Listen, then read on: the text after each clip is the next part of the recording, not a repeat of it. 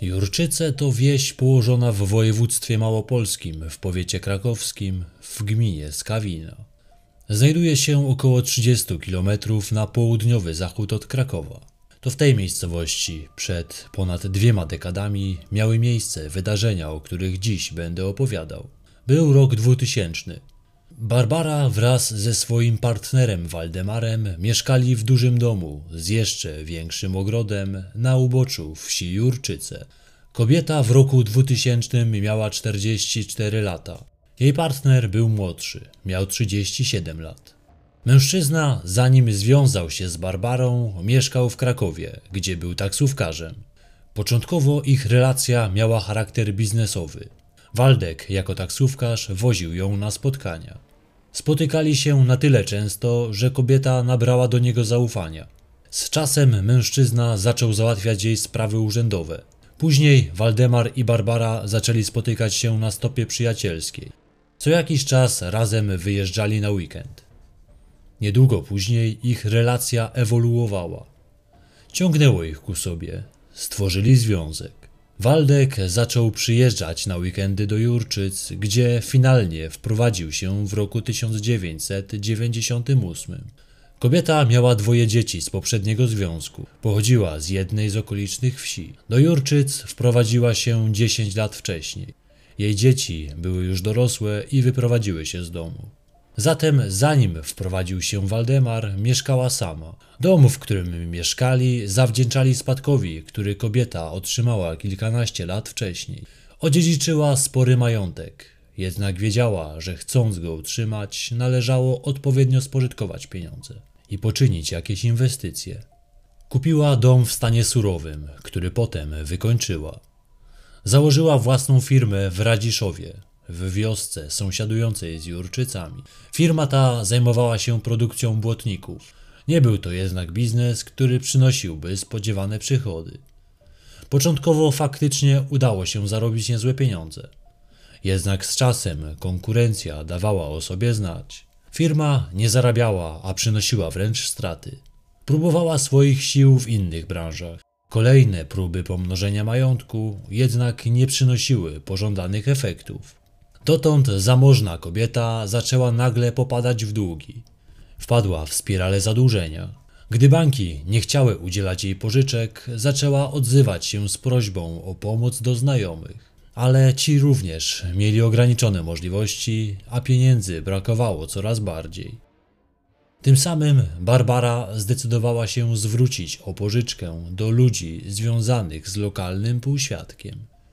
Tego typu transakcje zawsze obarczone są ogromnym ryzykiem.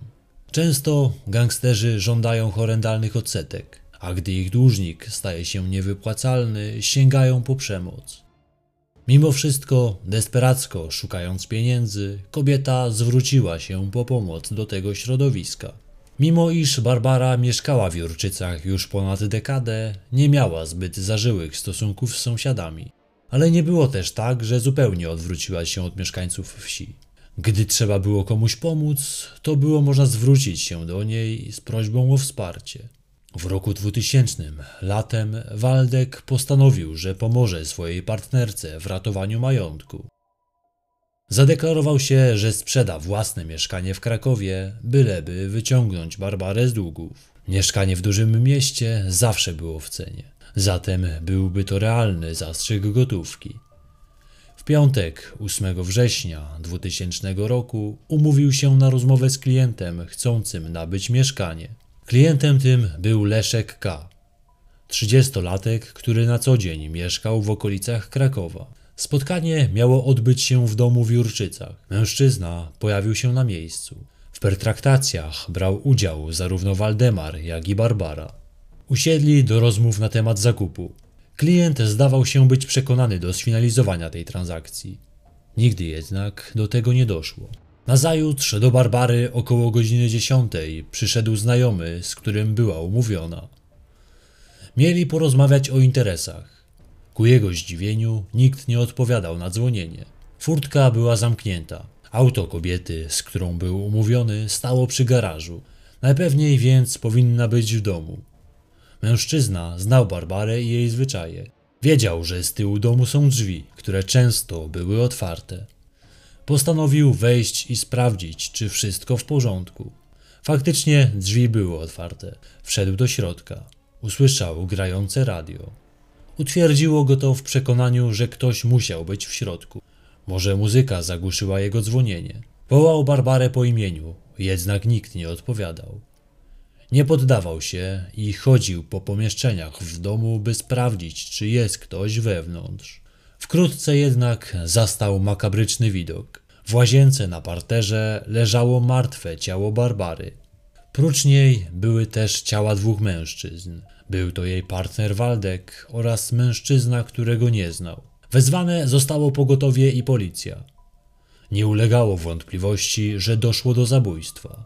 Wszyscy troje zginęli od strzałów z broni palnej.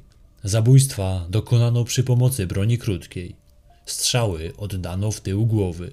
Ustalono, że śmierć zadano właśnie w łazience. Najpewniej zostali tam zaprowadzeni przymusem, a potem zastrzeleni.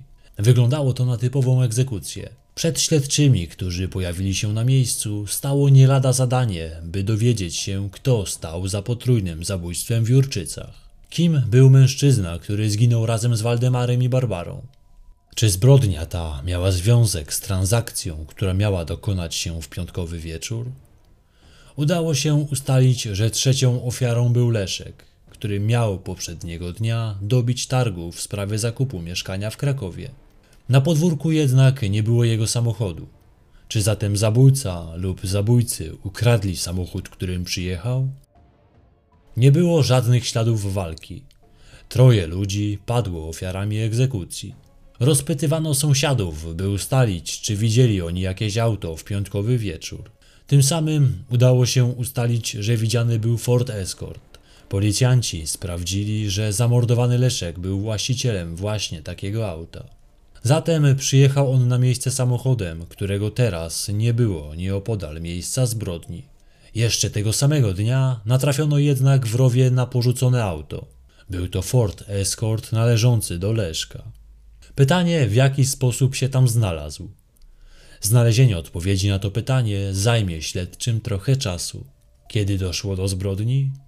Lekarz, który pojawił się na miejscu, określił, że zgon nastąpił w piątek między godziną 19 a 21. Przeprowadzono dogłębne oględziny miejsca zbrodni. Dokładnie sprawdzono wszystkie ślady pozostawione w domu w Jurczycach. Czynności związane z oględzinami trwały ponad tydzień. Łącznie zabezpieczono 250 różnego rodzaju śladów. Śledczych zastanawiał fakt, że pies, który przebywał na terenie posesji, nie zareagował na zabójców. Mogło to sugerować, że zbrodni dopuściły się osoby z grona najbliższych i pies po prostu znał te osoby. Inna teoria była taka, że przez to miejsce tak często przewijali się różni obcy ludzie, że czujność psa była po prostu uśpiona. Po zabójstwie siedział on w swojej budzie, z której nie chciał wychodzić. Nie było żadnych śladów włamania. W jaki zatem sposób zabójcy dostali się do środka? Być może zostali wpuszczeni przez domowników. To oznaczałoby, że były to osoby, które ofiary znały. Inny scenariusz zakłada, że drzwi nie były zamknięte na klucz i zabójcy po prostu weszli niepostrzeżenie, podczas gdy Barbara i Waldemar przyjmowali gościa. By znaleźć sprawców, należało ustalić motyw zbrodni. Brano pod uwagę trzy scenariusze. Pierwszym z nich był napad rabunkowy. Być może sprawcy zabójstwa wiedzieli, że miało tego wieczoru dojść do finalizacji transakcji i liczyli, że Leszek przyniósł ze sobą dużą ilość gotówki.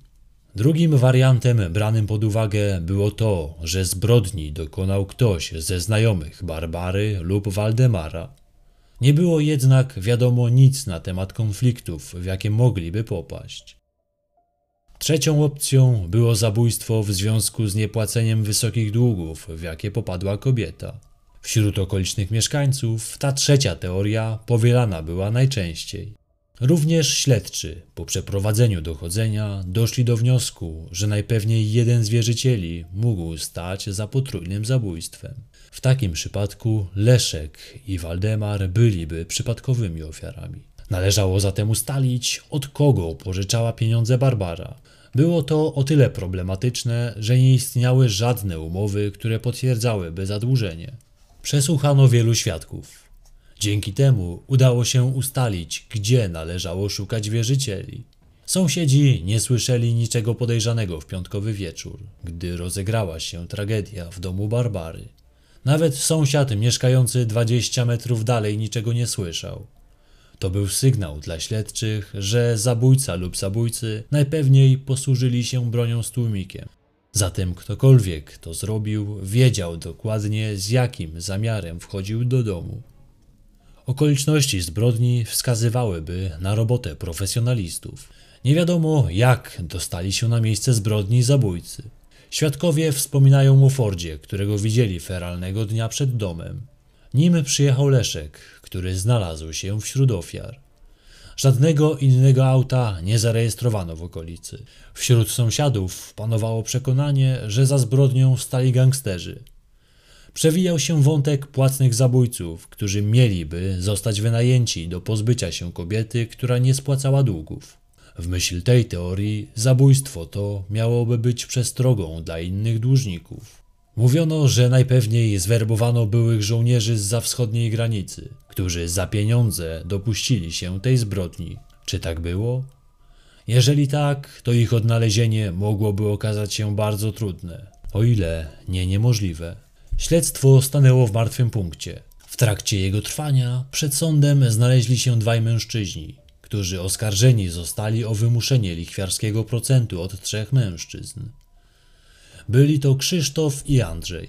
Wcześniej mieli oni pożyczać im pieniądze, a potem żądali astronomicznych kwot zwrotu. Jeden z dłużników nie był w stanie spłacić długu na czas, który zaciągnął wcześniej u gangsterów. Wówczas przekonał się, jak wielki błąd popełnił, wchodząc w interesy z tymi ludźmi. Gdy zwlekał z zapłatą przez trzy dni, Krzysztof i Andrzej odwiedzili go w jego domu. Nakazali mu się ubrać i zaprosili do auta. W nim skuli go kajdankami, a następnie bili go przy pomocy pałki policyjnej. Później zatrzymali samochód w lesie, a dłużnika wyciągnęli na zewnątrz. Tam zaczepili kajdanki, w które był skuty o hak z tyłu auta.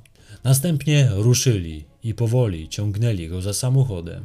Mężczyzna uszedł z tego z życiem, ale w ten sposób dali mu wyraźnie znak, że to nie są żarty.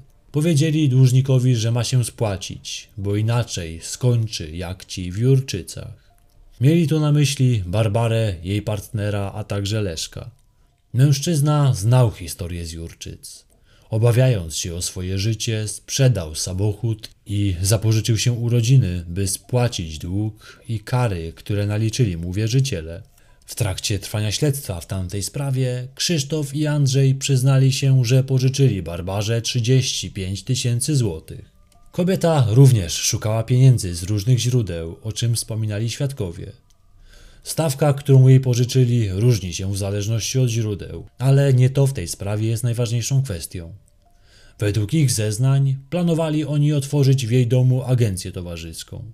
Oni mieli odpowiednie kontakty, by zorganizować kobiety do pracy w agencji, a przestronny dom Barbary nadawał się na tego typu miejsce. Kwota, którą jej pożyczyli, miała być zadatkiem na ten interes.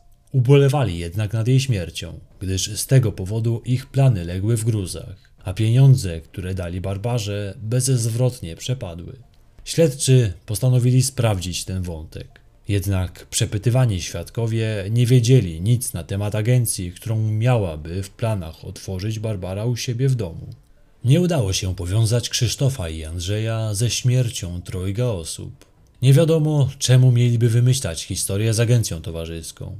Czy może chcieli oni odwrócić uwagę śledczych od czegoś innego? Niestety nie udało się tego wyjaśnić.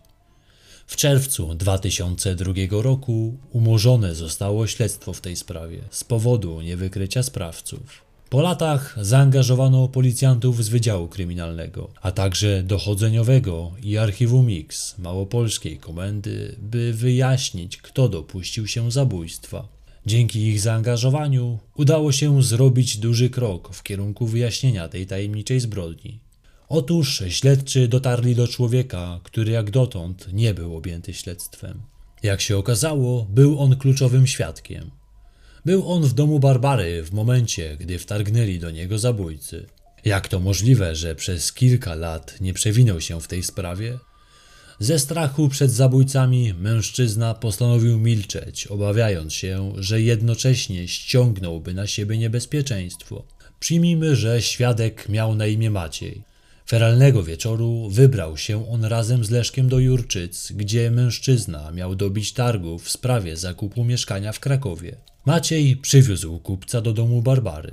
Był w domu, gdy pojawili się tam zabójcy. Zanim jednak weszli do środka, on udał się do toalety. Gdy był w niej zamknięty, usłyszał odgłosy awantury dochodzące z mieszkania. Wiedział, że ktoś przyszedł, ponieważ chwilę wcześniej zadzwonił dzwonek.